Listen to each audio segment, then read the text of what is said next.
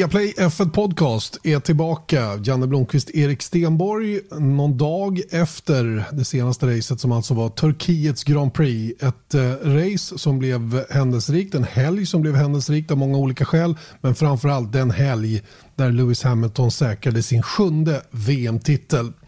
Eh, och det blir, eh, trots att en del är lite trötta på att vi pratar mycket om Lewis Hamilton, ändå en del prat om just Lewis Hamilton Erik Stenborg har en liten spaning om det till exempel och vi har tittat på vilka rekord han inte har än så länge. Eh, dessutom blir det ju som vanligt att tummar upp och ner men avslutningsvis så ska vi också prata om det här med om man nu skulle vara sugen att köpa en F1-bil. Vad kan det kosta och vad får man för pengarna egentligen? Det tycker jag är super, superintressant. Eh, mer om detta om en liten stund. Erik Stenborg, eh, allt bra hoppas jag. Absolut, det är jätte, jättebra idag. Underbart. Eh, tre race kvar på säsongen eh, och med de tre kvar så vet vi nu att Lewis Hamilton har säkrat VM-titeln. Eh, generellt, vad, vad har du för känsla efter den senaste helgen som, som blev väldigt, väldigt speciell? Igen en speciell helg, för vi har haft några stycken faktiskt. Ja, det har varit det, men sen så är det ju alltid den där grejen att man, man kan ju tycka då att man vill ju alltid ha den där fighten. Eh, men det spelar liksom ingen roll att han faktiskt säkrade VM nu tycker jag. För att han har gjort det för, i min bok, för sex racen ungefär. Eh, det har varit otroligt tydligt att han skulle göra det. Så det är liksom, who cares? Nu är det gjort och då kan man ju fokusera lite på annat istället. Exakt, det är intressant det du säger för jag känner exakt samma sak när jag läser alla hyllningar som är så blir jag lite så avmätt och tänker att ja men vad, vadå? Det, var väl, det har väl varit så här länge. Mm. Men det är klart att det blir naturligt att, att hyllningarna kommer då när titeln väl är klar. Man, man håller på det tills det verkligen är spikat. Så att eh, det, det är inte märkligt i sig. Va? Men det är mera hur man känner när man läser det. Det är mm. precis som att har ni vaknat nu? Ungefär så, eller hur? Ja, exakt. Fast ja, absolut så förstår man ju varför. För att det är ju lite jinxigt om inte annat att uh, hylla någon innan. Vi kan, ska, vi, ska vi göra någon grej av det och kanske hylla Hamilton för segern i VM 2021. Ja, varför inte? Då är vi i alla fall först. Ja, exakt. Vi tar den på en gång. Det är klart mm. redan. Han tar sin åttonde VM-titel. Det är ju imponerande. Ja, exakt. Det, det, han är en herre på täppan nu, ensam. Wow. verkligen. Och Men så du, tidigt också. Eh, ja, Janne, verkligen. verkligen. Att vi kan utnämna någon som vinnare redan innan de har börjat tävla. Det är imponerande mm. i sig. Nej, men det, det, kan, det, ska vi absolut inte göra faktiskt. För att jag inte, man vet aldrig vad som händer från ett år till ett annat. Nej, och det finns ju en hel del som, som pågår under kulisserna eller bakom kulisserna som, som faktiskt kan förändra styrkeförhållandena lite grann till nästa säsong. Trots att det inte förändras jättemycket då. Samma chassi, det är klart att det kommer att göras vissa förändringar på bilarna och så vidare. Va? Men, ändå. Mm. Han eh, kanske inte ens kör. Nej, det vet vi inte heller i och för sig. Men eh, nu eh, pekar väl det mesta mot i alla fall om vi om vi får tolka vad han själv sa nu då, att han, eh, han, han kommer att eh, klira ut ett kontrakt med Mercedes eh, och en fortsättning därmed. Och um, Toto Wolf sa ju det också att nu, nu sätter vi igång på allvar och pratar kontrakt nu när titeln är klar. Om det är det de har väntat på så att säga. Så att, ja, vi får se lite grann vad som kommer att hända. Men du har en liten spaning runt omkring Lewis Hamilton. Ja, och det är ju lite den här grejen att eh, vi har ju pratat ganska mycket om Hamilton för han tog ju sin 92 seger och han var på väg att ta den där 92 segern och nu tog han sjunde VM-titeln och han var på väg att ta den sjunde VM-titeln. Vilket gjort då att vi i den här podden har pratat ganska mycket om Hamilton då. Ehm, och det jag ser är att dels att folk blir, eh, vissa blir lite sura på att vi alltid pratar om an, an, samma saker. Men jag kan tycka att det finns en logik i det. Ehm, och sen så ser jag också att det är många som drar kortet, ja men han har ju bilen. Så att det är inte så konstigt att han vinner VM. Även om många är väl införstådda med att de är imponerade av honom. Så är det ändå liksom den här, ja men utan den bilen så hade han ju inte vunnit. Ja, och visst är det så, men kan man verkligen dra det kortet fortfar fortfarande? Nej, enligt mitt förmenande kan man ju inte det. Utan, eh, för det är, inget, det är inget unikt när det gäller Lewis Hamilton. Att han, att han har haft materialet för att, att vinna så här många VM-titlar som han har gjort. Utan det, det, det är liksom, historiskt sett så är det ju så det går till. Eh, sen, sen kan man alltid diskutera huruvida resten av startfältet har varit på den nivån som det var under åren 10 13 till exempel när Red Bull dominerade som jag uppfattade ändå hade lite tuffare motstånd. Även om de i slutändan då lyckades vinna de här fyra åren. Konstruktörstiteln och förar-VM. Ehm, så, så det, det, är väl möjligen det. Då. Men det, det stryker ju egentligen bara under hur starka Mercedes själva också har varit under den här eran. Då. Men, men ehm, ja, du kommer ju in på, på lite ja. resonemang runt omkring det här. Exakt, och det är den, runt den här GOAT-diskussionen, alltså the greatest of all time. Är en det eller är inte det? Och då var det mm, eh, Scott Mitchell, vår gamle eh, vän och kollega i den här podden, stundtals i alla fall, som hade den. Eh, och jag ska försöka förmedla liksom det han uttryckte, vilket jag tyckte var intressant. Och det var just att Hamilton är i slutändan, jag menar i relation till Schumacher till exempel, i relation med Fangio och sånt där, då är han ju ändå summan av alla de som kom före honom. Och då tänker jag liksom att hade inte Fangio drivit sporten framåt så pass mycket som han gjorde på 50-talet med hans resultat och hans fem VM-titlar så hade kanske inte Jackie Stewart eller Tyrell bör, liksom kunnat börja på den nivån eller driva sporten framåt på sättet det gjorde. Vilket i sin tur hade kanske kunnat påverka Schumacher eh, i Benetton och i Ferrari. Eh, deras utgångsläge ja. när de dominerade Formel 1. Senna och McLaren. Ja men visst, att liksom mm. alla driver ju sporten framåt. Och Formel 1 och alla andra sporter utvecklas hela tiden. Och då tog han det exemplet då att fotbollsspelare på 70-talet var inte lika bra som Cristiano Ronaldo är idag. Och de hade liksom inte möjlighet att vara det heller. Sett till det man vet idag om spelet, taktik, träning, kost, alla faciliteter som Juventus har eh, när de spelar fotboll. Eh, och allt sitter liksom ihop i, i, i den frågan då. Och då tänker man på, var det inte Nino Farina som vann eh, det allra första VM-titeln för Alfa Romeo 1950? Jag menar, de kunde inte bygga en Ferrari F 2002 från 2002 då, eh, på 50-talet för teknologin fanns inte. Och vad jag menar är att man kan inte göra orimligt stora hopp från ett år till ett annat. Jag menar, Tyrell kunde inte bygga en modern Mercedes för teknologin fanns inte. Man visste helt enkelt inte eh, vad som skulle komma utan hela tiden är de här små, små stegen hela tiden vilket utvecklar. Och då kan man ju ta det vidare i, i, i form av att säga liksom att eh, Dino Beganovic, han, vårt nästa Formel 1-hopp som, som kör för, eh, i Formel 4 idag och är eh, med i Ferrari Driver Academy. Jag menar, vad kommer han ha för förutsättningar att tävla inom racing överhuvudtaget om tio år? Jag menar, vi vet att sporten kommer att utvecklas. Så att han kanske har ännu bättre förutsättningar att bli dominant, så att säga. Och då menar jag mm. inte i relation till Hamilton, utan bara köra bättre, köra fortare, köra mer effektivt. Köra, liksom, och man vet ju inte heller var reglementena går heller. Vilket gör att det, det är väldigt svårt att säga om framtiden och den här grejen då att jämföra olika generationer. Man mm. måste ta det era för era helt enkelt. Och då kan man ju konstatera att i alla fall att Hamilton är den bästa i sin era. Utan tvekan är det på det viset och den statistiskt sett bästa föraren genom alla tider rent eh, segermässigt. Han, han, han är ju oöverträffad i det avseendet. Va? Oavsett förutsättningar så är han det. Och det kan man aldrig ta ifrån honom så att säga. Va? Utan det han är, han är eh, den starkaste under sin era och precis så är det ju. Och vi har ju hävdat det flera gånger när vi har pratat om det här att, att jämföra eh, pikar så att säga då. För det finns ju ett antal pikar genom Formel 1-historien då med, med, dominanter så att säga inom sporten då. Att jämföra de här pikarna med varandra blir omöjligt. Det går mm. inte helt enkelt. För att ja, hela tiden så drivs allting framåt och, och ja, ribban höjs kort och gott för varje år som går. Precis. Det Schumacher gjorde på något sätt kan man se det som att det möjliggjorde för Hamilton att göra det han gör idag. Och det som Exakt. Hamilton gör idag möjliggör för någon annan. Kanske en Dino Beganovic förhoppningsvis. Eh, vad han kan göra om tio år. Mm. Jag tycker det är intressant, ett intressant resonemang helt klart. Eh, och det leder in oss lite grann på, på det här med, eh, med eh, rekord. Han har ju ett antal rekord, precis som jag sa då. Eh, den, den, som har vunnit flest race, han har tagit flest pole positions.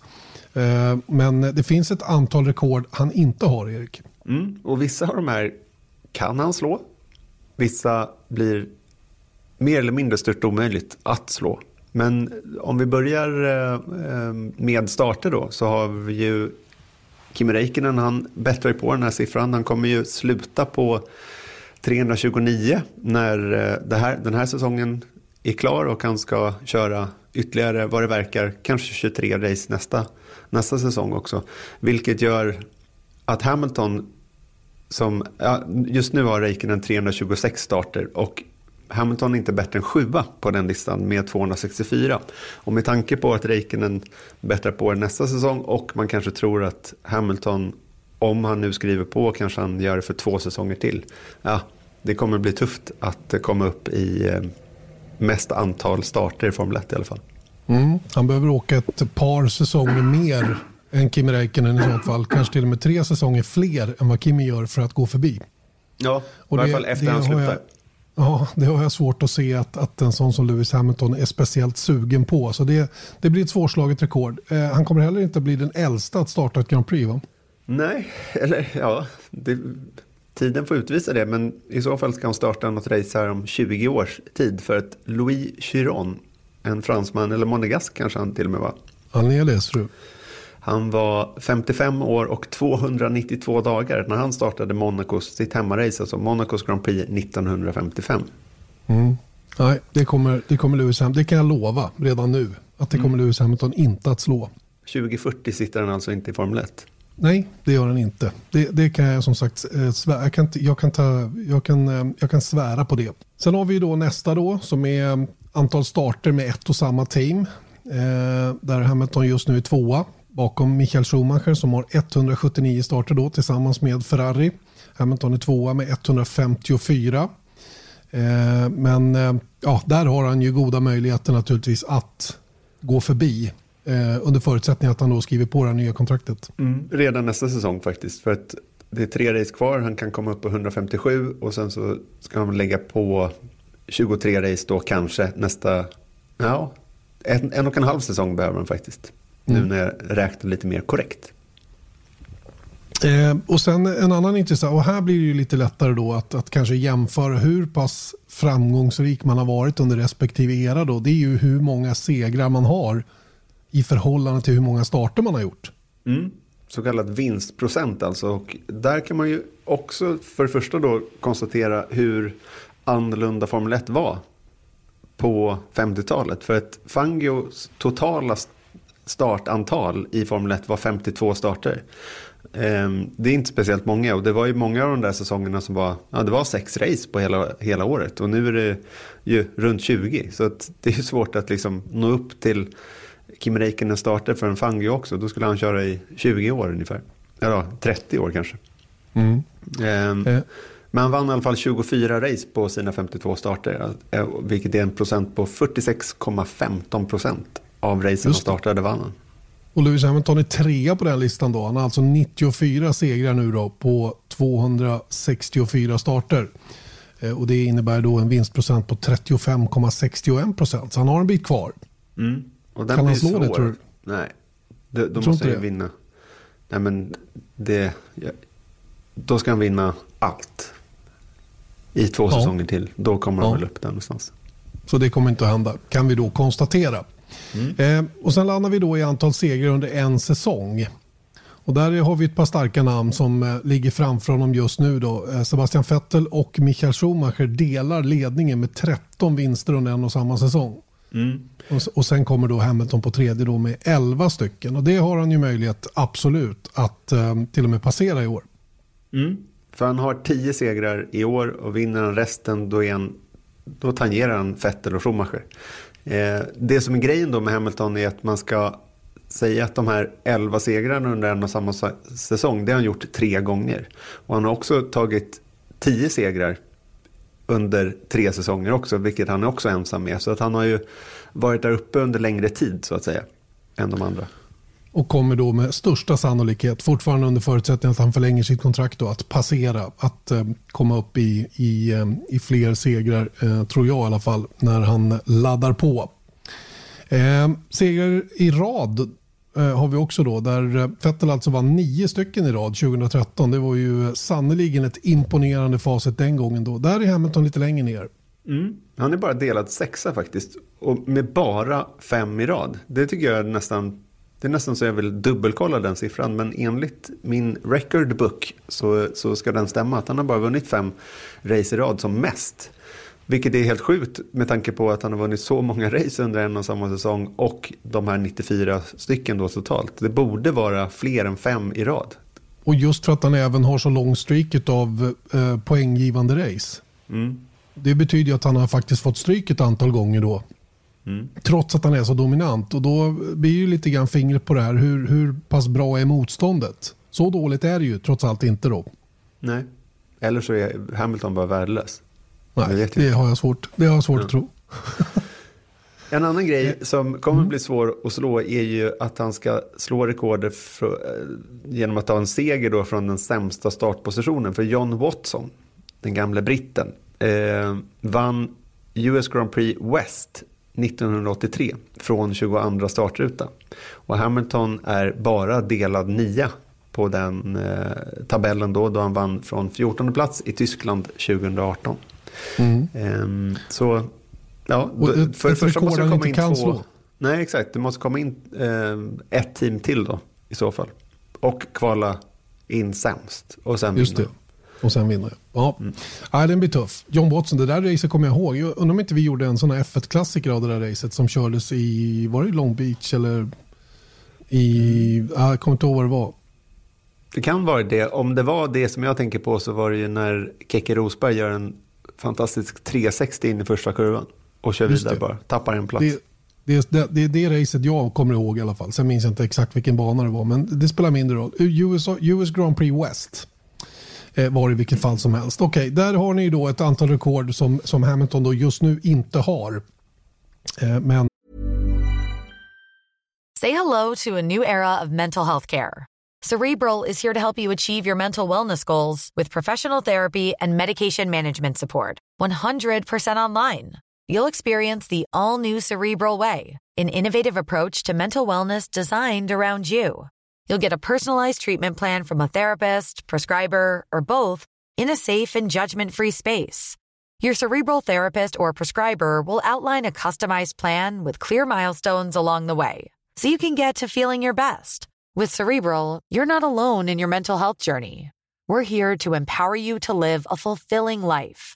So take that first step towards a brighter future and sign up today at cerebral.com slash podcast and use code ACasts to get 15% off your first month. Offer only valid on monthly plans. Other exclusions may apply. Offer ends July 31st, 2024. See site for details. En del av dem har ju möjlighet att slå då, beroende på hur länge han väljer att, att hålla på och köra. Eh, och, och, som vi var inne på tidigare då så, så eh, verkar ju de här kontraktsförhandlingarna ändå fortskrida och eh, de har nog inte strandat speciellt. Det är bara det att man har kanske lagt det på is lite grann för att han skulle få fokusera på att ta den här sjunde titeln.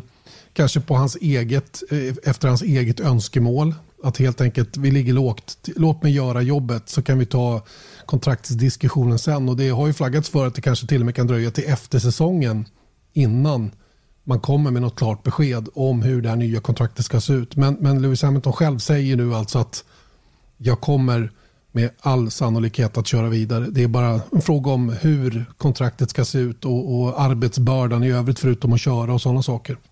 Viaplay F1 Podcast är du lyssnar till. Janne Blomqvist, Erik Stenborg. De har pratat Lewis Hamilton, inte helt oväntat då med tanke på att han alltså tog sin sjunde VM-titel då i söndags efter en eh, härlig körning måste man ju ändå säga eh, i ett otroligt konstigt race. Eh, om vi, innan vi kommer in på tummarna och upp och ner, Erik, lite kort bara om hela den här helgen som var oerhört märklig då med den här nylagda asfalten då på fina Istanbul Park som hade kunnat erbjuda så fantastiska utmaningar för förarna i form av höga farter och tuffa påfrestningar hela den grejen. Nu blev det en helt annan typ av utmaning istället då med en fredag som var så fruktansvärt halkig. Jag tror jag får dra mig till minnes kanske att eh, första gången vi var i Sochi 2014 var något liknande eller första gången vi besökte Texas och eh, COTA, Circuit of the Americas, har påmint om förutsättningarna som rådde under FP1 i, här i Turkiet den här helgen som var med den här nylagda asfalten.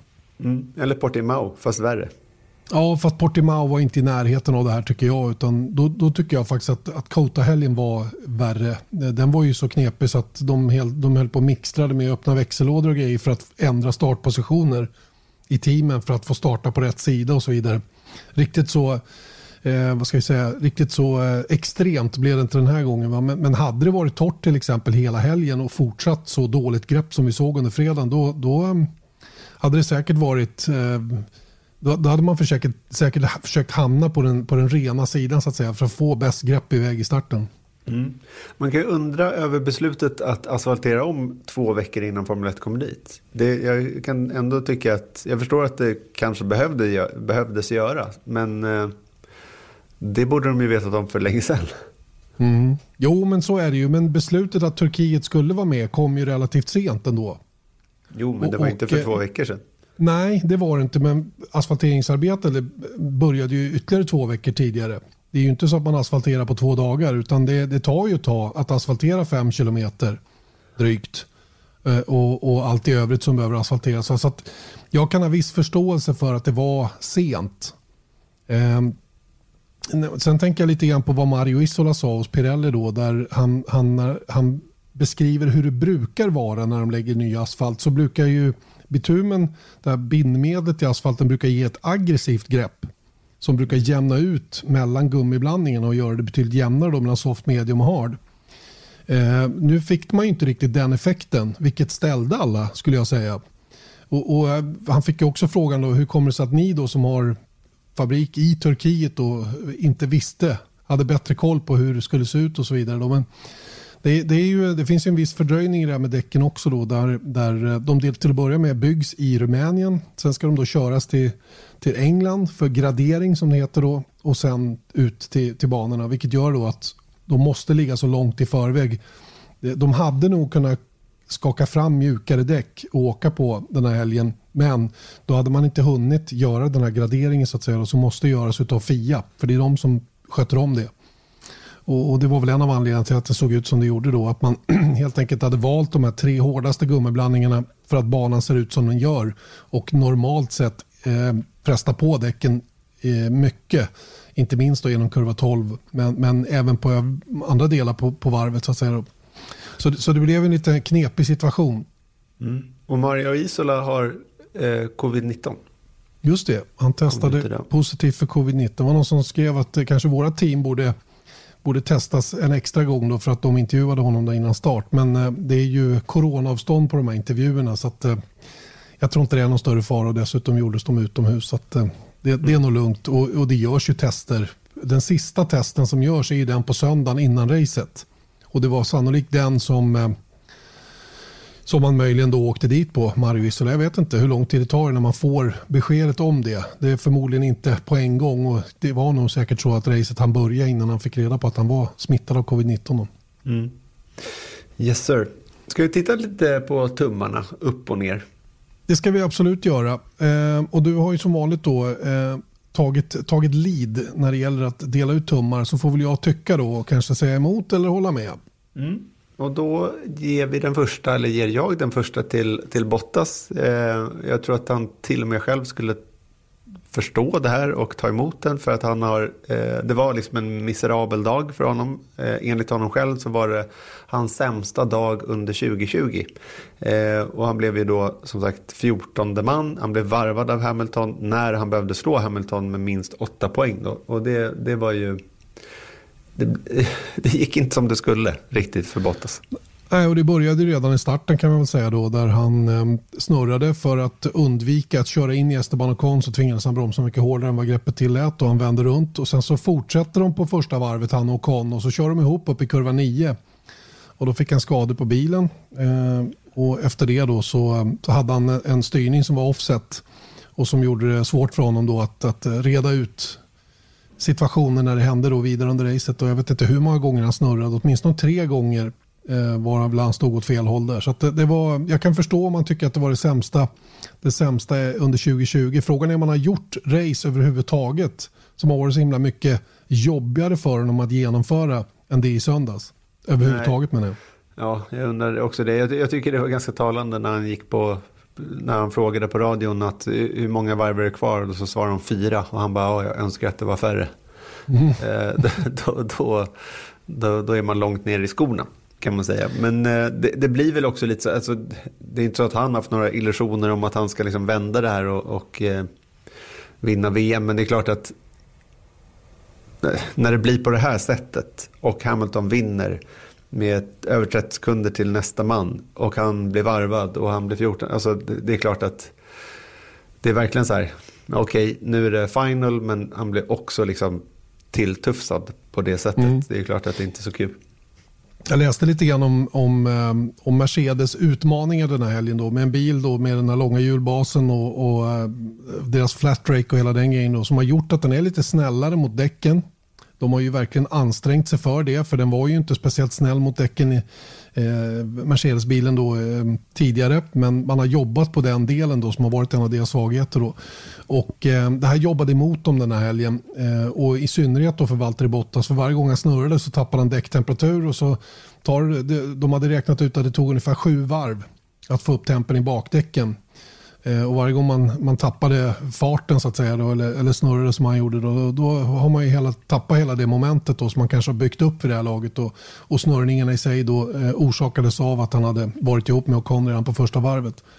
Eh, men, men för en sån som Lewis Hamilton så, så jobbade det ju här i, i rätt riktning så att säga. Då. Och, och han kunde ju eh, han kunde utnyttja det faktum att bilen kanske inte var så snabb i inledningen på racet. Då, men blev desto snabbare i avslutningen då när dels eh, eh, man slet ner däcken då i, till, så till den milda grad att de närmast blev slicksdäck. Mm. Och, eh, och det här blev ju väldigt avgörande. Och det enda han var orolig för, som han sa Hamilton, det var ju att han skulle råka ut för samma då som han gjorde i, i Kina den gången 2007 när de körde för länge på intermediates och eh, körde igenom korden då och inte lyckades ha, ha kontroll på bilen tack vare det. Eller på grund av det. Eh, nu eh, var det ju ingen fara och det hade ju teamet hyfsat bra koll då på efter att Valtteri Bottas varit inne eh, mot slutfasen av racet och de kunde titta på däcket och se och analysera och det gjorde ju att de vågade hålla honom kvar. Även om de förberedde ett säkerhetsstopp på slutet så ville Hamilton slutföra racet på en och samma gummiblandning där på slutet. Mm. Nästa tumme går ja. uppåt till Sergio mm. Perez. Han gjorde sitt bästa kval i karriären, vilket liksom då överskuggades lite av eh, att Lance Stroll, hans teamkompis, tog pole position. Men i racet då visade han vem som bestämmer. Ja, eller det är inte riktigt han som bestämmer i det teamet uppenbarligen. Men han slutade tvåa genom att ha kört liksom 80% av racet på sina inters, apropå det du pratade om med Hamilton där. Och det är hans bästa resultat i karriären sedan Italien 2012. Ja, det är i alla avseenden imponerande det Sergio Perez gjorde. Inte förvånande dock. Eh, det är få förare som har den här förmågan att känna däcken på det sättet som Sergio Perez gör. Oavsett om det är regn eller torrdäck uppenbarligen. Och han, ehm, han var, jag, jag är nästan säker på att han var väldigt, väldigt bidragande till eh, beslutet att inte ta in honom då när Lance Stroll gick in. Eh, Stroll som tog två depåstopp Eh, och ehm, försökte då komma runt problemet som han hade då med graining framförallt i framdäcken. Då. Och det intressanta med intermediatesdäcken var att de hade som tre faser kan man säga. De hade ju en fas när de var helt nya eller närmast nya då beroende på om man hade några nya eh, där de var starka ett antal varv. Sen så kom den här grainingen när man började då överhetta däcken eh, och, och ehm, då rullade gummit av och, och till slut så rullade hela slitbanan av eller försvann. Man slet bort den helt och hållet och då kom däcken tillbaka igen. Och jag vet att en sån som Landon Norris förklarade ju hur, hur det här kändes under racet. Då. När, när man hade fått bort den här eh, ska vi säga, skårade ytan då, som, som man egentligen ska köra på som, som, som är där för att ta undan eh, vatten snarare. Så, så eh, visst, det är svårt att bygga, dem, bygga temperatur i de däcken om man tappar den. Men om man lyckas hålla temperaturen uppe så funkade de väldigt, väldigt bra. Och det var mycket lättare att få upp temperatur i dem i och med att man hade kört bort så pass mycket gummi från slitbanan. Eh, och Det var ju det som gjorde att vi såg så stora skillnader också i fart under loppets gång. Det var ju emellanåt skilde det ju fem sekunder på den som hade däcken i fönstret och den som inte hade den i fönstret. Och Sen så kunde det helt plötsligt skifta. Mm. När man då eh, märkte att man kom in i olika faser. Och det, det, det är såna här grejer. Här, här har man ju väldigt stor nytta av mycket erfarenhet som förare vilket Lewis Hamilton har, vilket Sergio Perez har. Ehm, Sebastian Vettel gjorde också ett bra jobb kan jag tycka i det avseendet. Eh, och, och, ehm, men, men återigen, väldigt spännande att se vilka som vågade lita på sin instinkt i det här fallet och eh, faktiskt lyckades med det. Mm. Sergio Perez har nu alltså tagit nio pallplatser under hans karriär. Eh, och då tänker jag lite på den här diskussionen runt vad Red Bull ska göra.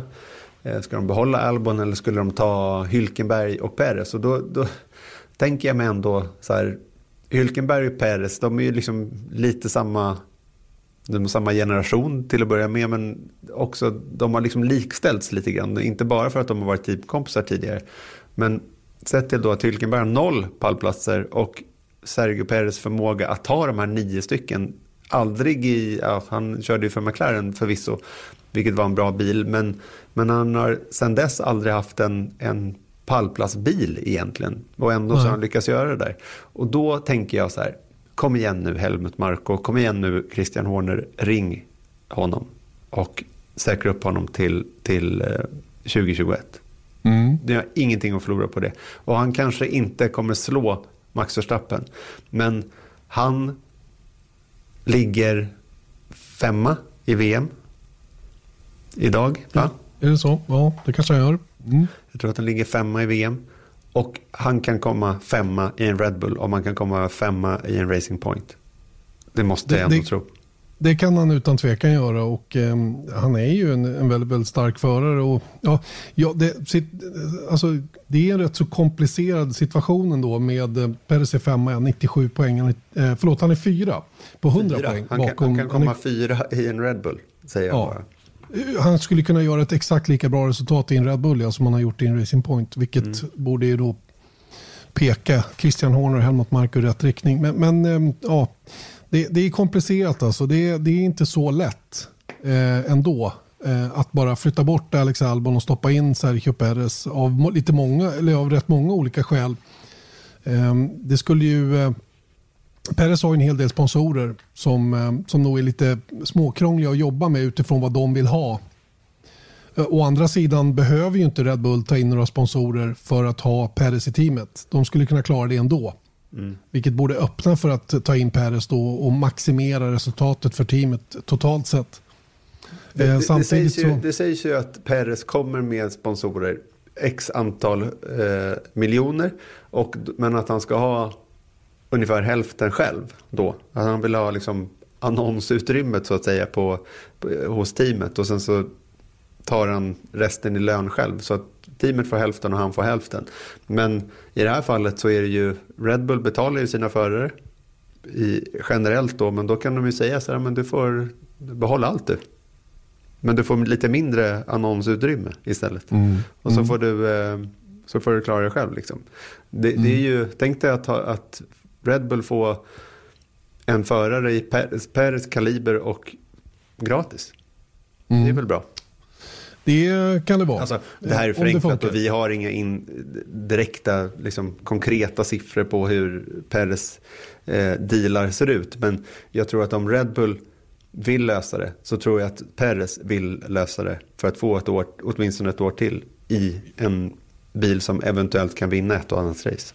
Och det tycker jag man kan läsa mellan raderna också när man hör Peres själv säga att han, han, ehm, han kan tänka sig att ta ett, ett sabbatsår nu då när tiden håller på att rinna ut för honom i väntan på att Red Bull ska bestämma sig.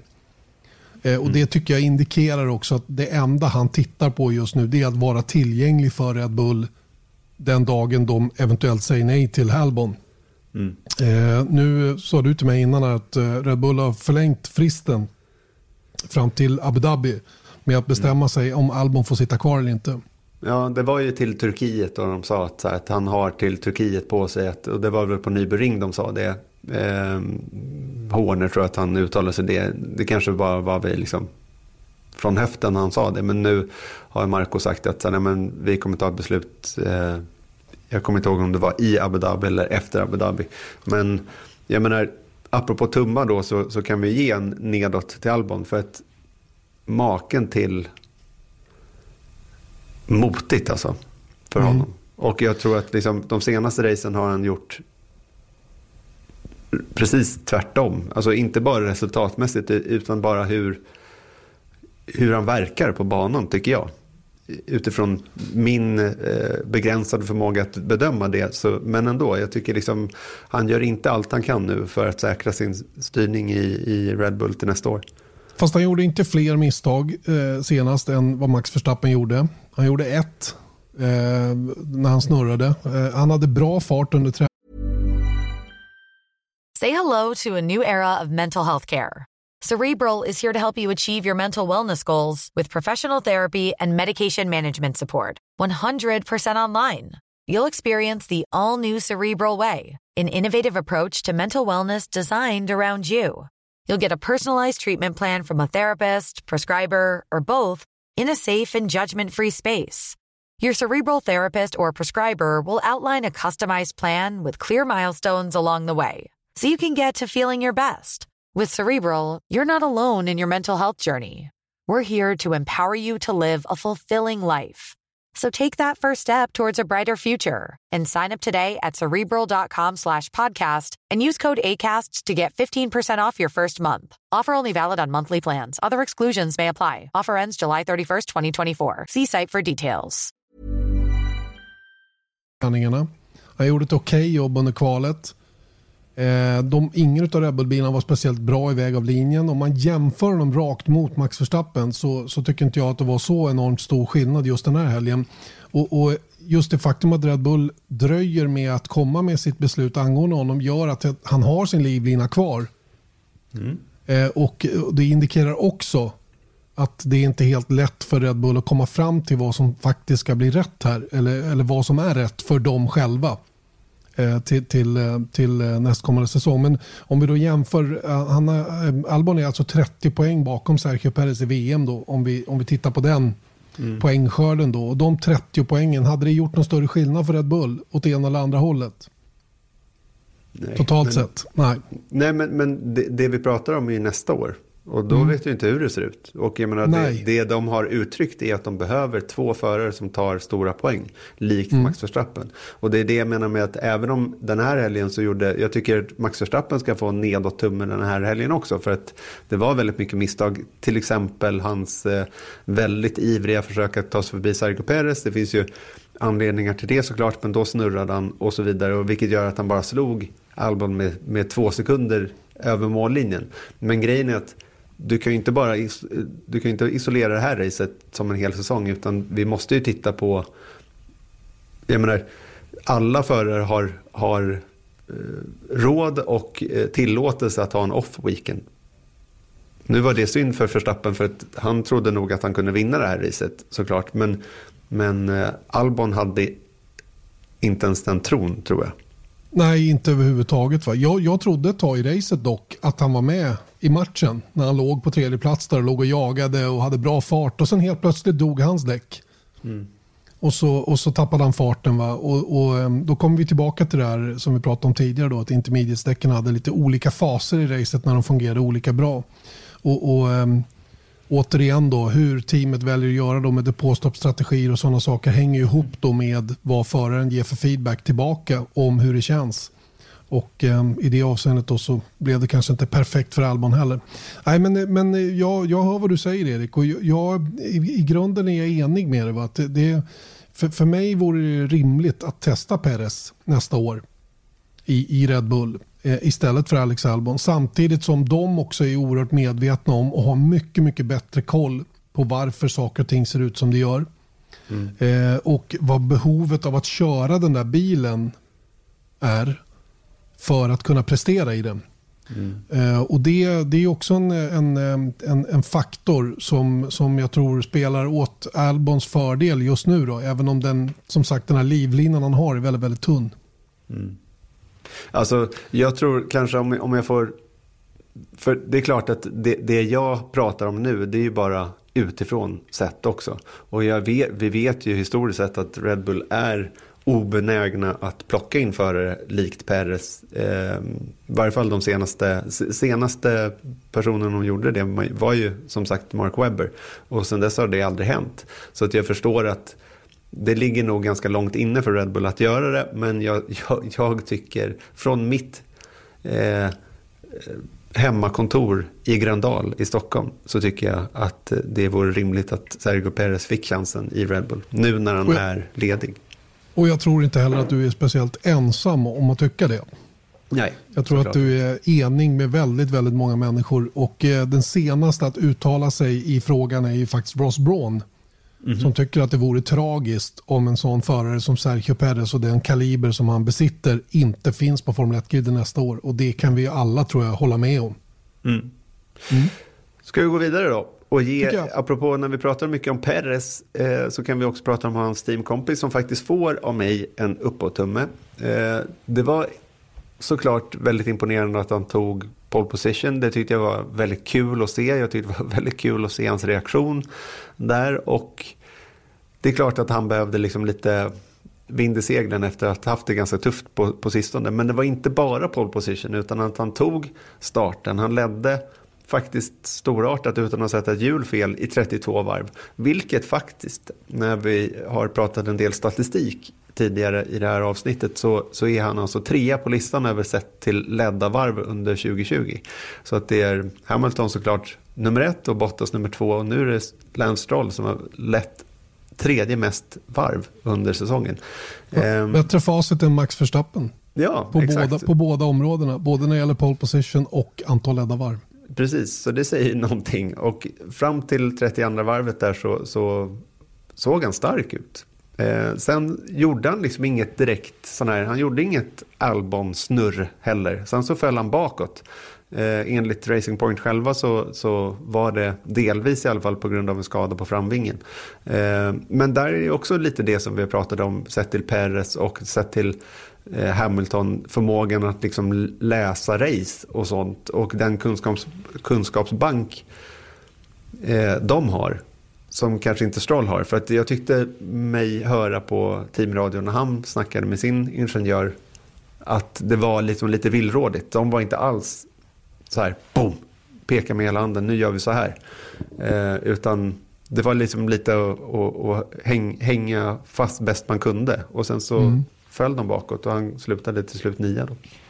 Det är precis så jag känner också. Och när jag tittar på racet då, hur, hur de, de var lite ambivalenta då, hur de skulle komma runt problemet som man rapporterade om då, att, att däcken grainade. De nya intermediate som man fick på grainade ju nästan på en gång mm. och funkade inte alls. Eh, och, och, och sett till hur bra de var på intermediates i kalet Eh, när det visserligen var betydligt blötare då än det var när han upplevde den här graining-fasen. För han gjorde en väldigt stark inledning på racet på full wets. Så det var inte det som var avgörande egentligen vilken typ av gummiblandning det var utan det var nog mängden vatten på banan som, som styrde hur bra han kunde köra i vilket fall som helst. Eh, och visst, han kan mycket väl ha haft en skada på framvingen men ganska tydligt hade han svårt att vara lika stark som Sergio Perez var. Och eh, visst, de hade ju då med facit i hand efter att ha sett hur, hur, eh, hur Strolls däck såg ut när de tog in honom kunde de ju låta Perez vara kvar. Men det gjorde de ju bara efter att Perez själv hade fått tycka till om det under resans gång. Och eh, där har vi väl skillnaden då i erfarenhet så att säga. Då. Men, men eh, han, eh, han, eh, hans anseende steg avsevärt den här helgen tycker jag, Lance Stroll. Ehm, just med anledning av den här pole position då, som var högeligen imponerande. Eh, och även inledning på racet och de här 32 varven som du nämnde. Då. Men, men problemet är ändå att i, i slutändan så blir det bara en nionde plats och det är inte, det är inte gott nog från pole position tycker jag i alla fall. Nej. Eh, men, men jag kan hålla med om att tummen lutar eh, snett uppåt för hans del just med anledning av hur hela den här helgen såg ut för hans del och hur, hur han eh, tog sig an då framförallt lördagen på ett, eh, på ett otroligt bra sätt och höll ihop det i starten. Men, men hur den är så ska man köra de här varven också och man ska gärna göra det tillräckligt snabbt för att hålla undan och det lyckades han inte med. Mm. Och jag drog det inte helt relevanta kortet där mellan jämförelsen mellan Hylkenberg och Perez och Perez 9 pallplatser och Hylkenbergs 0 så kan man konstatera att, att eh, Stroll har många fler pallplatser än Hylkenberg. Har han inte tre ja, stycken? Just det. Stroll som eh, haft en väldigt, väldigt dålig period också fram till den här helgen. Vilket tycker jag också lyfter tummen uppåt starkt tycker jag. att komma tillbaka efter den här otroligt svaga perioden han hade haft efter Mugello egentligen. Den här mm. kraschen då som han råkade ut för när han låg i ett bra läge den gången också. Eh, men då var det inte hans fel. Då fick han en punktering och kraschade och hela den grejen. Och sen, men sen efter det, vi hade coviden som han åkte på eh, och, och allmänt bara i dålig form under ett antal race. Och det pratades mycket inför den här helgen då att han behövde en kram, sa de. Mm. He needed a bit of a hug för att komma tillbaka och det, det lyckades de bra med. Eh, att få honom tillbaka på rätt spår. Sen, sen, och, och, jag menar bara att man visar potentialen på det här sättet är ju nog, tror jag, uppmuntrande för teamet. Då. Men eh, ja, det, det räckte inte hela vägen. Han, eh, han har kvar att jobba på. Ja, det har han. Det har enligt mig även Michael Masi, alltså Fias tävlingschef, heter det bara på svenska. Ja, tävlingsledare.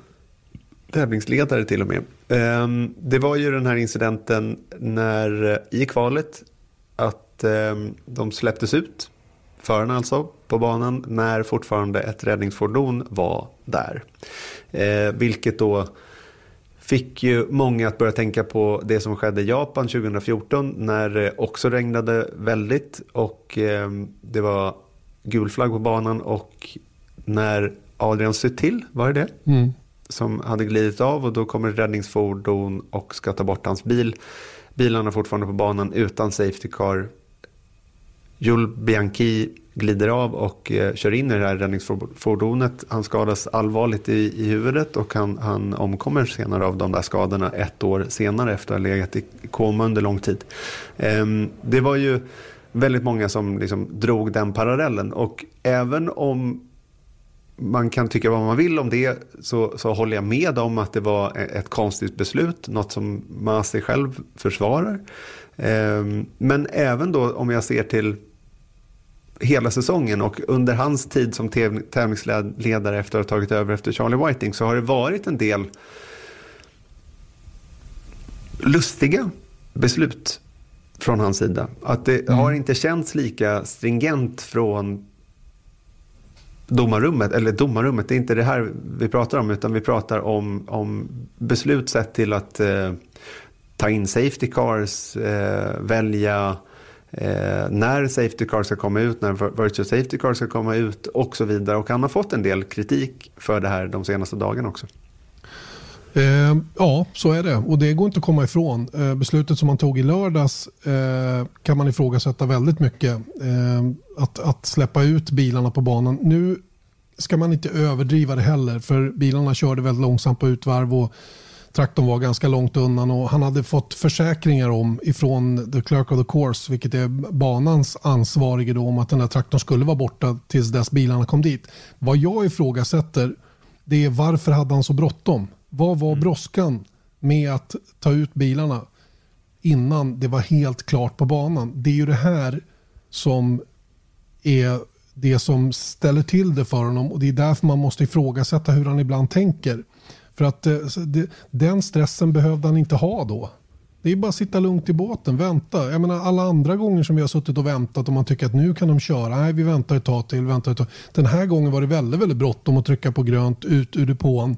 Samtidigt som det är en traktor på banan de 7-8 kurvor bort. Eh, jag, jag, förstår inte riktigt varför, varför han tog det beslutet. Var, vad brådskan var. Eh, och allt det här som har kommit i eftermälet då. Att han förklarar varför det blev som det blev. Att han känner sig fullständigt trygg med att han tog beslutet och hela den biten. Så har det ändå kommit fram nu att han måste titta över procedurerna runt omkring när man gör saker. och eh, det är, det är viktigt att de fortsätter med det. Vi hade ju en annan incident också på Imola som, som är rätt talande för eh, Michael Masis eh, beslutsprocess. Det var ju till exempel när han lät bilarna köra om säkerhetsbilen för att ovarva sig på Imola bakom, bakom säkerhetsbil. Eh, och där Lance Stroll återigen då är en av de som passerar en funktionär som är kvar ute på banan. Mm. Eh, oklart om den där funktionären var där ehm, otillåtet så att säga att han hade tagit ett eget beslut att springa ut efter att det hade klarrapporterats runt banan. Det vet inte jag. Eh, och det, och det är ju sånt som gör det svårt att utifrån sett bedöma eh, vad, vad som har skett och varför det skedde. Det som skedde var dock att den här funktionären var på banan. Lance Stroll hade kört om säkerhetsbilen och höjer naturligtvis tempot då för att återansluta bak i kön. Och, och, han ska inte få tillåtelse att köra om säkerhetsbilen förrän man är 100% säker på att banan är tom. Mm. Och det är det här jag undrar lite grann över. Var det, var det så att de hade fått klartecken? För att Mas är ju inte ute på banan. Han måste ju ta in rapporter från någon som är där ute. Mm. Och är det då någon som otillåtet tar ett eget beslut och springer ut på banan i alla fall, ja då blir det ju naturligtvis tokigt av den anledningen. Men det, det, det, det var ju dubbla, dubbla gulflaggor, double waved yellow i, i den sektorn så att säga också. Och det var väl det som, som Stroll fick även egen kritik för, för att han inte saktade ner tillräckligt. För då ska man vara beredd att stanna när som helst. Mm. Men det är klart, sätter man det i händerna på en F1-förare som är galen i huvudet för att komma ifatt tåget igen, då är det klart att då, då tar man risker. Och oavsett vad så, så är det ju det, det engelska uttrycket the buck stops with him och det är ju Michael Massey som är ansvarig för det då. då oavsett vägen framåt så, så blev det ju fel där kan man ju tycka. Mm. Det var det onekligen. Och eh, som sagt, de får nog titta över det här och jag tror inte han går oskadd runt omkring det här eh, internt. Utan eh, de, de tar det här på största allvar och, och, försöker naturligtvis att lära av allt som händer för att det inte ska upprepas igen. Sen är ju frågan vad Många kräver ju då att ta bort Masi, gör det och man, man, kan bli jättearg på Fia då för att det är som det är och hela den biten. Va? Men det är inte speciellt konstruktivt utan det viktiga är ju att man hela tiden försöker lära sig av det som inträffar och ser till att det inte händer igen. Och eh, tyvärr då så, eh, så blev den här grejen, framförallt i lördags, väldigt sådär, den belyste en problematik på ett sätt som inte var speciellt positivt för vare sig Fia då eller, eller för Michael Masi då som tävlingsledare. Så att jag håller med om tummen ner, absolut. Mm. Vi har en tumme kvar och jag vill att vi tar den hyfsat snabbt för jag är så sugen på att prata om nästa ämne. Så ja. jag säger bara upp Ferrari. Just det, vilket race de gjorde. Eh, och eh, titta på Sebastian Vettel som eh, var lite på nytt född får man väl ändå säga då, under väldigt speciella omständigheter. Hade ju också en resa som präglades av olika fart i olika faser av racet. Hade ju inga som helst möjligheter att hänga med i Racing Point-bilarna längst fram då, trots att han tog sig upp på tredjeplatsen ganska tidigt. Så, eh, så åkte han då så fort han klarade att köra då inledningen på racet med en jagande Lewis Hamilton närmast bakom dessutom då som man tycker jag rätt skickligt eh, lyckades hålla undan för. Men sen så kom racet även till Ferrari då under resans gång och eh, mot de avslutande varven så var de ju med där och högg. Både, mm. både Charles Leclerc och eh, Sebastian Vettel och på sista varvet Charles Leclerc går upp, kör förbi för andra platsen, förbi Perez ner i kurva 12 men bromsar lite lite för mycket på marginalen, halkar av och Perez tar tillbaka andra platsen men Sebastian Vettel smiter också förbi och blir mm. trea i mål, Leclerc på en fjärde. En tredje och fjärde plats det tar Ferrari vilken dag som helst i veckan tror jag när man ser till hur den här säsongen har varit. Då. Men sin vana trogen då, Charles Leclerc bannade sig väldigt, väldigt mycket efter målgång och tyckte att eh, han hade slarvat bort en andra plats för teamet där. Men eh, Ja, det var ju knepigt. Små marginaler och svåra förhållanden. Jag tycker tredje fjärde platsen som de visar upp här var, var med stort beröm godkänt. Mm. Och rent personligen så kan jag tycka att det var, var kul för Fettel att få komma upp på pallen igen. Eh, det kanske var sista gången vi såg honom där. Beroende han på hur det ser ut. För... Andra, han, han, stod till och med på andra platsen ja, på podiet. Såg jag. Ja. Tog chansen när han, det var sista chansen kanske som sagt. För man vet ju inte hur Aston Martin mår nästa år. Vadå, de var ju eh, också på pallen. Jag vet, men man vet ju inte hur de mår nästa år. Så, nej, nej, det, så det kan ju vara sista gången. Så han tog chansen. Det gjorde han sannerligen. Okej, då är vi klara med våra tummar upp och ner.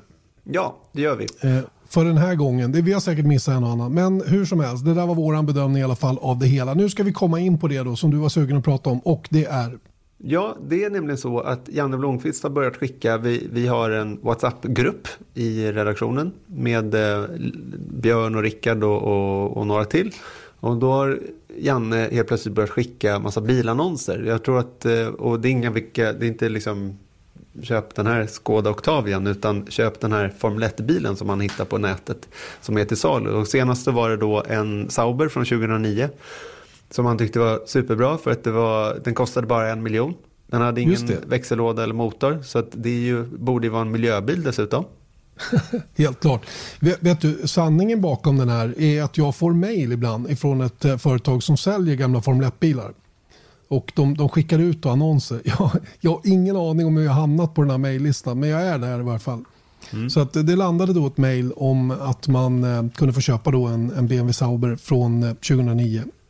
Om det nu var, jo det var BMW den, det var 2009, sista året de hade BMW-motor. Och eh, jag var lite nyfiken och, och la upp det där i vår Facebook, eller i WhatsApp-grupp.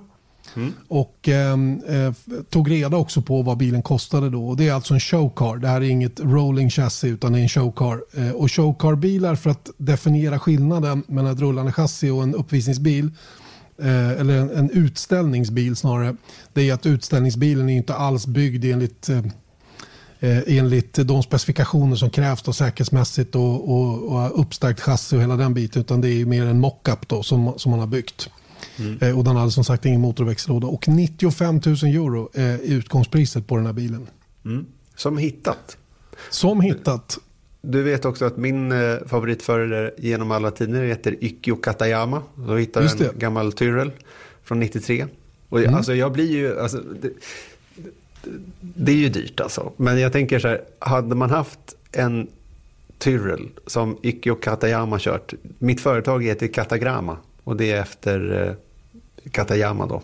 Eh, och hade jag haft den bilen i garaget och med en motor, för på den tiden så bilar från den tiden kan man ju faktiskt behålla motorn. Det var ju liksom lite, det var en Yamaha i den, eh, i den bilen då. Men man hade ju rent praktiskt kunnat ha den i garaget och sen så ta den på olika trackdays några gånger om året och då hade man nog varit lycklig för resten av livet. Tror du inte det? Jo, absolut. Alla dagar i veckan. Och just den här bilen som jag skickade till dig, den är tyvärr såld Erik. Så den går mm. inte att få tag i och jag vet inte vad den kostade. Men den kördes av Katayama och Mika Salo i mm. huvudsak. Mm. Men också Gabriel Tarquini då. Och det satt en Yamaha V10-motor i den här och den är från 1995 och är alltså modellen som heter 023 och var designad av Harvey Postlethwaite som tyvärr inte finns kvar i livet. Mike Gascoigne var också med på den här bilen. Då. Eh, och eh, jag bara, eh, när jag såg den här bilen så tänkte jag din, din förbläst för just Katayama. Tänkte att du hade den här bilen, att du var så stadd i kassan. Mm. Att du hade råd att köpa den här och sen en Yamaha V10. Och, det behöver inte vara världens snabbaste Formel 1-bil för den skull. Men tänk att du hade den då för att kunna åka lite, lite trackdays en, två, tre gånger om året sådär med full crew. Kanske hade tio gubbar och en, en trailer och alltihopa var liksom klart. Och så kom du med hjälmen under armen bara och så åkte du ner och hyrde dig Mugello en dag. Mm. Ja? Det finns eh, folk som gör det faktiskt. Så att, eh, jag, jag, måste bara jobba lite hårdare tror jag. Men det är det som är grejen också, att bilen är ju snabbare än vad jag är. Så att jag kan ju ha en Tyrrell. Liksom, det är inte så att jag skulle bli sur att jag inte tog pole position. Eh, liksom, för att det är nog mer en upplevelse än, än någonting annat. Men hur som helst. Mm. Eh, det finns också en, en BMW Sauber på Blocket. Den kostar ungefär 10 miljoner. Den har legat där 10 år. Jag vet inte ens om den är till salu på riktigt eller om det är någon som bara... Jag, jag tror det. Det är väl BMW nere i Malmö där som har den där. Mm. Ja, exakt. Men det är ändå lustigt att den har legat till salu i 10 år. Så det är ingen så här hög omsättning. Den har väl inte heller någon motor i och för sig heller. Så att... Jo, jo, jo, visst har den det. Annars hade den inte kostat det. Den, den, men däremot är det ingen som får igång den. Nej, då så. För den är för komplicerad att starta den här VT'n som sitter i den bilen. Mm. Men hur som helst, mm. jag, jag blev lite intresserad av det här. Så jag började tänka så här att det vore ju kul att känna någon som har en Formel 1-bil också. Och om Janne Blomqvist verkar vara sugen. Ja, men jag menar en, en nyare än en, än en March 711 från 72 som Eja har då. Ett. Eh, men hur som helst, jag, vill ge dig lite tips då bara för att förstå. Så att du, jag vet att du förstår när du nu ska ge dig in i den här köpeprocessen att, eh, att det kommer kosta dig en del pengar. Och då har jag hittat mm. de sju, eh, några av, ja, sju, sju, exempel helt enkelt på bilar som har sålts på auktion och vad de har gått för.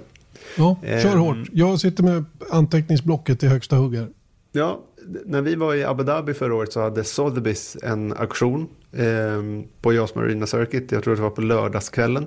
Vi var inne och tittade på de där bilarna. Och en av bilarna som såldes då var en Benetton Ford B191 som kördes alltså under säsongen 91-92. Och eh, de här, den här bilen kördes av Nelson Piquet och Schumacher. Eh, det är ingen vacker bil, men en klassiker i form av att det var bilen som Schumacher tog sina första poäng och första podiet i Formel 1. Och det är sånt här som liksom bygger värde. Det är jag, jag har varit på, vi kommer till det senare, men man förstår liksom historiken är det som gör värdet i en sån här Formel 1-bil. Och eh, priset på den, eh, hade du köpt den på den auktionen, du missade ju chansen. Du var ju ändå där. Ja, Men, så är det. men hade du bara bjudit 9,8 miljoner så hade du fått den. För att den gick nämligen för 9,7 miljoner kronor. Och det var motor och grejer i den, så den hade du kunnat sladda runt på Gelleråsen med. Jag får hoppas att det är motor i för nästan 10 mil. Mm. Och lite värde då. Ehm, sen så då, samma auktion faktiskt, så såldes en Ferrari 125 C2. Och de här bilarna kördes då under 1981 till 84. Det var ju en tid då Formel 1 använde samma chassin länge. Och det var Ferraris första försök på en turbobil och designades av Mauro Forgeri och Harvey Postlethwaite som du nämnde. Och Ferrari vann sin sista konstruktörs-VM innan Schumacher-eran då med bilen och det gjorde de 1993. Men det var också, 83. 83. Ja, 83. Men det var också bilen som eh, Gilles Villeneuve omkom i. Eh, den kördes också av eh, Didier Peroni, Mario Andretti, René Arnoux och Patrick Tambay. Och just den här bilen kördes av den sistnämnda och den såldes också i Abu Dhabi 2019. Och det här var också det sista överlevande chassit av alla de här bilarna då. Och det reflekteras kanske också i priset för den gick under klubban för 22 miljoner kronor. 22 miljoner alltså. Ja, ja. Mm. Nej, jag, jag har en bit kvar när jag är på den nivån rent ekonomiskt. Ja, alltså, innan det tar stopp menar du? Du Ja. har råd att betala lite mer. Ja, jag har lite kvar innan, innan det tar stopp. Så är det. Det- är bra det, för att nästa bil då, om du är sugen på den, det är en Williams FW14B från 1992. FW14 debuterade i Formel 1 91, men det här är då andra versionen av den bilen. Och det är en av de mest teknologiskt avancerade F1-bilarna genom alla tider. Och speciellt då för den tiden. Den hade ju semi-automatisk eh, låda, ABS, traction control och aktiv fjädring. Och jag såg något inslag om den här bilen på YouTube.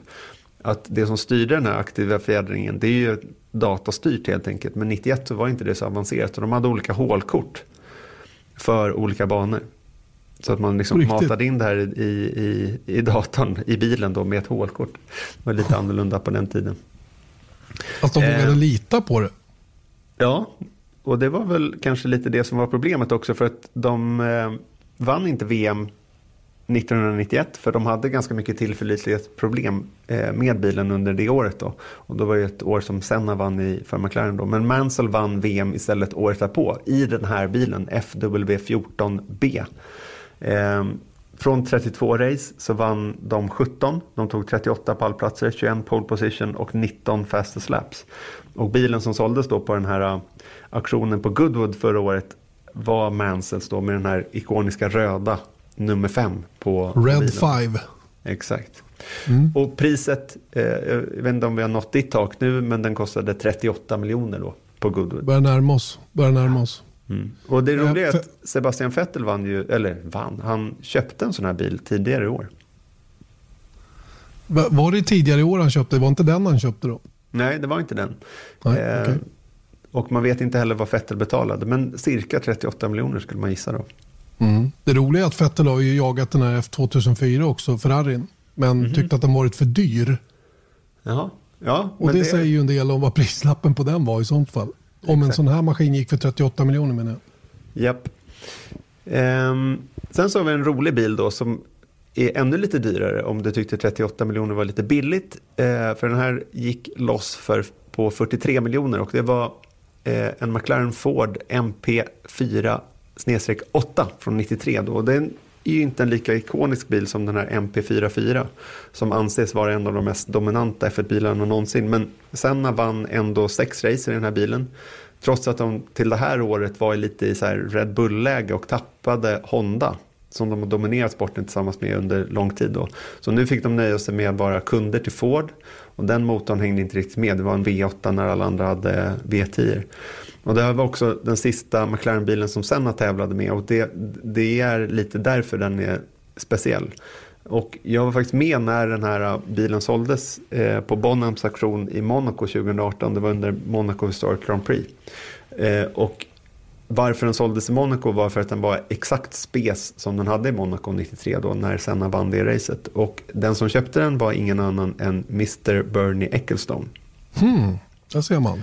Som satt där i, i publiken och han viftade inte själv utan han hade en kille bredvid sig som viftade när han bjöd på bilen. Men det lustiga var att den gick ju då för 43 miljoner kronor. 4,2 miljoner euro. Men priset var en besvikelse. Jag pratade med han som var auktionsförrättare efter auktionen. Han sa att den hade kunnat gå 10 miljoner upp. Men hans analys på det var just att Bernie Eccleston besann sig i publiken. Det gick ju liksom, alla andra såg honom ju där. Och när man vet att någon sitter på kassan som Bernie Eccleston gör och var fast besluten om att ta den, då fanns det liksom ingen anledning att bjuda emot honom. Så han fick det för vrakpriset då, 43 miljoner. Ja, då ser man. Vrakpris ja. Men du är med och viftar om jag bestämmer för att gå med på auktion? Jag, jag kan vara den som viftar. Mm, det är bra. Det är bra. Ja, men man, är för stor, man är för stor för att stå där och vifta själv. Liksom. Ja, exakt. Sen då, apropå Ferrarisar och eh, Sebastian Vettel som kanske ville köpa en då, så finns här ett riktpris på en eh, Ferrari F 2002, alltså den som var kanske en av de bästa Formel 1-bilarna någonsin. Schumacher och Barrichello vann 15 av 19 race i bilen. Och eh, Schumi då plockade VM vid elfte rundan, sin femte VM-titel eh, av 17. Och det gjordes i Frankrike. Och exakt den bilen han knep den här femte titeln gick under klubban i Abu Dhabi i fjol också. För 67 miljoner. Alright, nu börjar vi närma oss min smärtgräns känner jag. Mm, för, ja, snart i alla fall. för grejen är att den här F2002 den är ju billig jämfört med F2001 som såldes 2017. Ehm, den var inte lika dominant som 2002 men gick ändå högre när den såldes 2017 för då gick den för 76,5 miljoner. Man undrar varför den blev dyrare om det bara var för att det var två budgivare som trissade upp priset eller vad det är som, som avgör sånt. Men eh, det är ju rätt stor skillnad då. Det är nästan 10 miljoner kronor ju. Ja, jag hade hellre köpt 2002 för vrakpriset då. 67 Vad går för 2004 för då undrar man ju. Det, för, jag menar, att någon lät ju Mick Schumacher köra 2004 och är en bil som börjar närma sig 100 miljoner i värde, inte vet jag. Mm. Vågar man ens köra sådana bilar? Mm. Du, då kan vi komma till nästa bil. För det var en Mercedes-Benz W196 från 1954. De körde den under 54 och 55 säsongen i Formel 1 då. Eh, och alla andra bilar i det här som jag tagit upp är kaffepengar jämfört med den här. För den kördes av eh, eh Fangio och Sterling Moss under de här två säsongerna. Och de vann också två VM-titlar och nio av tolv race, apropå det vi pratade om tidigare. Det var få race under säsongerna vid den här tiden. Motorn den, hade, eller motorn den har är en V12, en modifierad flygplansmotor från en Messerschmitt från andra världskriget. Och det här var också den sista bilen som Mercedes tävlade med i F1 fram till 2010. Då de ju då gjorde comeback i sporten. Och den såldes 2018. Och gissa hur mycket den gick för. Betänk då att eh, en F 2001 gick för 76,5 miljoner. Ja, det får man ju lov att göra. Och då, då tror jag vi är uppe och touchar på 100 miljoner. Jag säger 102 då. Upp. Upp, ännu mer. Ja. 112 då. 303 miljoner Nej. Sluta. På riktigt? Mm. Ja, det är den absolut dyraste Formel 1-bilen men också en av världens dyraste bilar som någonsin sålts. Coolt. En Mercedes-Benz W196. Ja, den, vill, den får man nog definitivt inte provköra. jag tror inte, men jag tror att eh, Hamilton har kört den. På, på, alltså, på Nordslingen, ja. men väldigt långsamt då. Ja, ja, det får man ju hoppas att ingenting händer. Ja, där har ni. Det finns, eh, det finns, ju, det finns ju en hel del bilar ute på marknaden att köpa. Ehm, men eh, alla är ju inte i, i rullbart skick så att säga. Då. Den här hemsidan som jag tittade på, där, där var det både rolling chassis eh, och projekt som de hette då. Och då så kallade showcars då, som, som skiljer sig åt lite grann. Då. Det var ju ett speciellt företag faktiskt som byggde de här utställningsbilarna som var då rena kopior av tävlingsbilarna men som inte var tänkta att tävla med överhuvudtaget. Jag för mig vet du, när, när eh, Super Aguri skulle köra sitt första race eh, så fick de ta en gammal utställningsbil och oh, göra i ordning till tävlingsbil. Mm -hmm. Och eh, när de skulle sätta i motorn där så skilde det typ en decimeter mellan där, där axeln går in och där den borde gå in. Så okay. den krävde en hel del modifieringar. Eh, det är någon story som jag har hört i alla fall. Det var den bilen Joji Ide körde sen Och Yoji Idi gjorde ju inte någon succé direkt i, i Formel 1-sammanhang. Men det Nej, kanske om fanns axeln en satt på fel ställe så kanske Ja, men den, den bilen var nog inte den roligaste att köra, ärligt talat. Va? Men, men ja, så är det i vilket fall som helst. Mm. All right, eh, det var ju intressant att höra det där. Eh, Som sagt, det finns mycket bilar att köra och man kan ju faktiskt prova gamla Williams-chassin då, som vi har nämnt tidigare då, om man vill nere på Anderstorp. Och det är ju så det går till. De säljer de här chassierna i, i, i vissa fall. Oftast utan motor då, så får man hitta någon, någon motor som man kan stoppa i istället. Då. Eh, moderna Formel 1-motorer, i synnerhet de här hybridmotorerna, de går ju nästan inte att få igång. Och Ferrari har ju sitt eh, Cliente Corsi, de sköter ju alla bilarna som säljs åt ägarna. Och så får man då betala typ 100 000 om dagen för att köra de bilarna för att få dem omhändertagna och hanterade.